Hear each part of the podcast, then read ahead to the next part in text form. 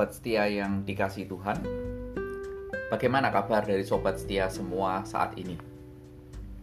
Berharap kehidupan kita tetap ada dalam pimpinan dan naungan Tuhan, melewati segala pergumulan dari kehidupan kita masing-masing. Sekali lagi, hari ini saya mengajak kita semua untuk berdoa, khususnya bagi NTT dan sekitarnya. Dan satu informasi yang saya terima dari media menyebutkan bahwa ada 138 korban jiwa akibat bencana alam yang terjadi minggu lalu. Kiranya belas kasihan Tuhan dan penghiburan dari Tuhan boleh menghiburkan masyarakat dan anak-anak Tuhan yang ada di NTT dan sekitarnya. Hari ini, saya mengajak kita untuk merenungkan dari Lukas 19 ayat 45 sampai dengan 48 dan saya memberikan sebuah tema hidupku rumah Tuhan.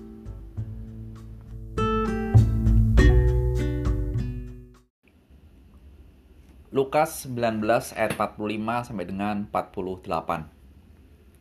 Lalu Yesus masuk ke bait Allah dan mulailah ia mengusir semua pedagang di situ.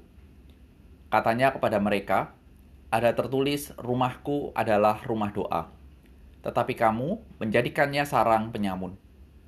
Tiap-tiap hari ia mengajar di dalam bait Allah imam-imam kepala dan ahli-ahli Taurat serta orang-orang terkemuka dari bangsa Israel berusaha untuk membinasakan dia. Tetapi mereka tidak tahu bagaimana harus melakukannya. Sebab seluruh rakyat terpikat kepadanya dan ingin mendengarkan dia.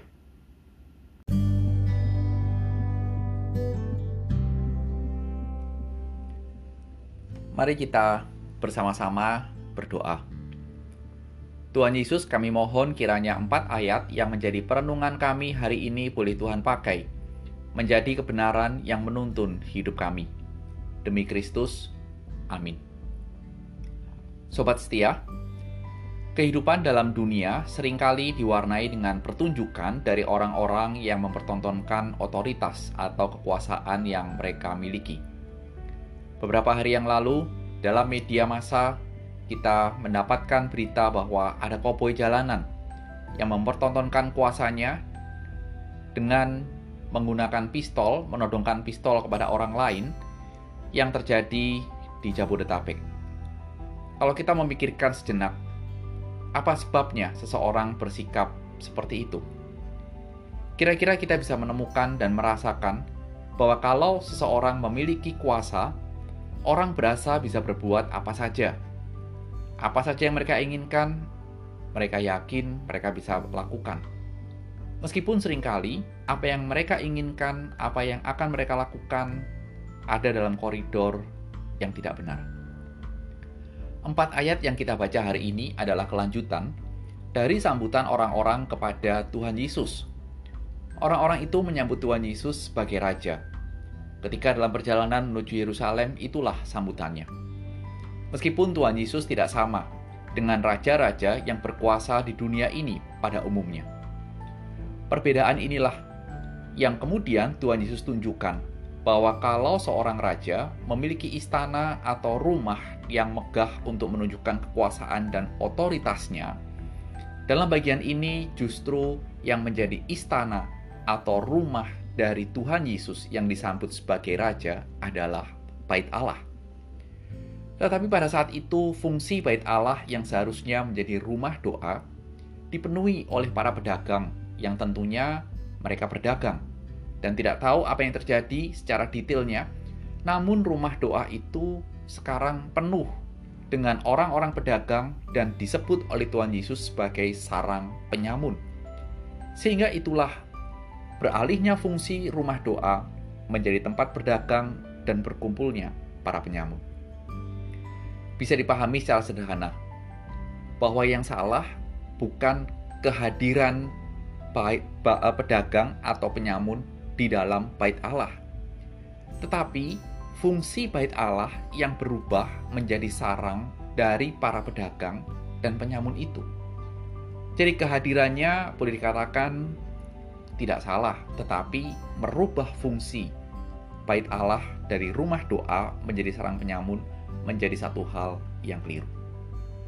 Kalau kita memperhatikan, bukankah seharusnya siapa pun yang datang ke bait Allah paham bahwa bait Allah adalah rumah doa dan tidak boleh dijadikan tempat bisnis, tempat perdagangan, tempat sarang penyamun. Tapi teori itu tinggal teori. Fungsi bait Allah tinggal fungsi. Dan di sinilah kita lihat dengan otoritas penuh, Tuhan Yesus langsung mengembalikan bait Allah kepada fungsi yang sesungguhnya, yaitu bait Allah menjadi rumah doa. Apakah berhenti sampai di sini tindakan dari Tuhan Yesus? Tentu tidak. Lukas mencatat bahwa setelah itu, tiap-tiap hari, bahasa saya berhari-hari, Tuhan Yesus mengajar di dalam bait Allah. Sehingga kita boleh bertanya, siapa yang mendengarkan? Tidak ada catatan dan informasi langsung di dalam ayat-ayat itu. Tetapi bisa jadi para pebisnis, para pedagang, penyamun itu menyadari dan mendengarkan pengajaran Tuhan Yesus. Bisa jadi, mungkin. Ingat bahwa ketika Tuhan Yesus mengajar, di cerita-cerita yang lalu kita mendapatkan informasi bahwa banyak orang yang takjub akan pengajarannya. Ini yang muncul di ayat yang terakhir, bahwa rakyat disebut yang hadir rakyat. Pengertiannya bisa sangat luas, terpikat dengan pengajarannya. Sehingga terbuka kemungkinan para penyamun itu dan para pedagang dan orang-orang yang ada saat itu tertarik mendengarkan pengajaran dari Tuhan Yesus. Namun yang pasti, Lukas merangkai perjalanan Tuhan Yesus ke Yerusalem dengan jelas. Sekali lagi, imam-imam kepala dan ahli Taurat tidak menyukai apa yang dilakukan oleh Tuhan Yesus. Dan sekali lagi, mereka berusaha untuk membinasakan Tuhan Yesus. Sobat setia, cerita ini singkat jelas dan sangat layak menjadi perenungan kita hari ini. Apa sebabnya? Kalau saat itu Tuhan Yesus mengembalikan fungsi bait Allah, maka dalam perjalanan hidup Tuhan Yesus, Tuhan Yesus mengembalikan fungsi dari hidup manusia yang berdosa melalui penebusan di kayu salib. Penebusan itulah yang mengembalikan fungsi hidup kita sebagaimana mestinya yang telah dicanangkan oleh Allah. Mungkin di sini kita bertanya, apa maksudnya dari kata-kata fungsi dalam hidup kita? Perhatikan, setelah penebusan Kristus, saya mengacu kepada ajaran dari Rasul Paulus.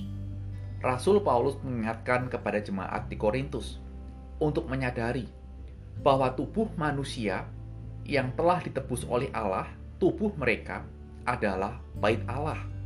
Dan ada semacam tuntutan bahwa karena tubuh kita adalah bait Allah, maka kita haruslah hidup kudus. Karena apa? Kita telah ditebus.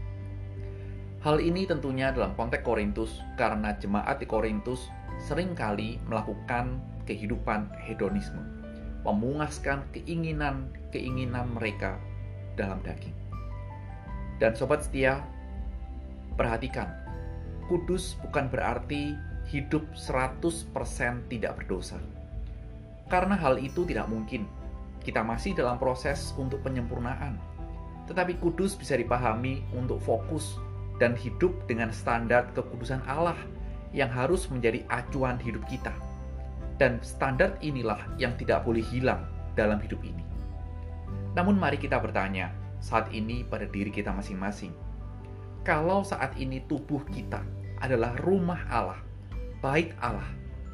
Kira-kira rumah Allah yang adalah tubuh kita itu, rumah itu kita isi dengan apa selama ini? Maksudnya, kalau ibaratnya rumah, rumah itu penuh ada isinya, berbagai macam hal. Sehingga dengan penggambaran itu, mari kita bertanya, kita isi apa? Hidup kita, tubuh kita yang adalah rumah bait Allah itu. Bagi saya, ketika pertanyaan itu direnungkan, ada beberapa orang yang mengisi rumahnya dengan kehidupan yang berfokus kepada dunia. Fokus hidupnya hanya satu, kaya, kaya.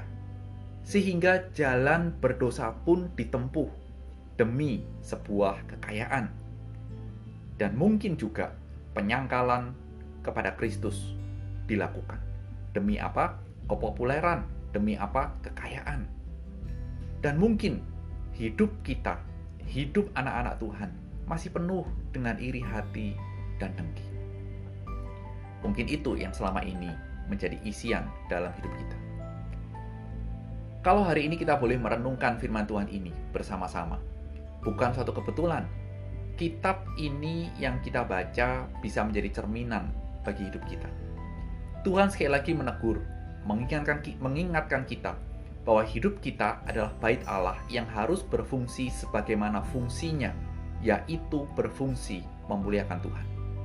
Oleh karenanya, mari kita kembali memikirkan, menahan diri sebelum melangkah, dan memikirkan kalau aku melakukan ini atau itu, apakah hidupku dan yang kulakukan memuliakan Tuhan? Sobat setia, ingatlah bahwa hidupmu adalah rumah Allah yang harus berfungsi untuk memuliakan Tuhan dan bukan membinasakan Tuhan. Selamat hari Jumat, selamat menikmati akhir pekan. Tuhan memberkati kita semua. Amin.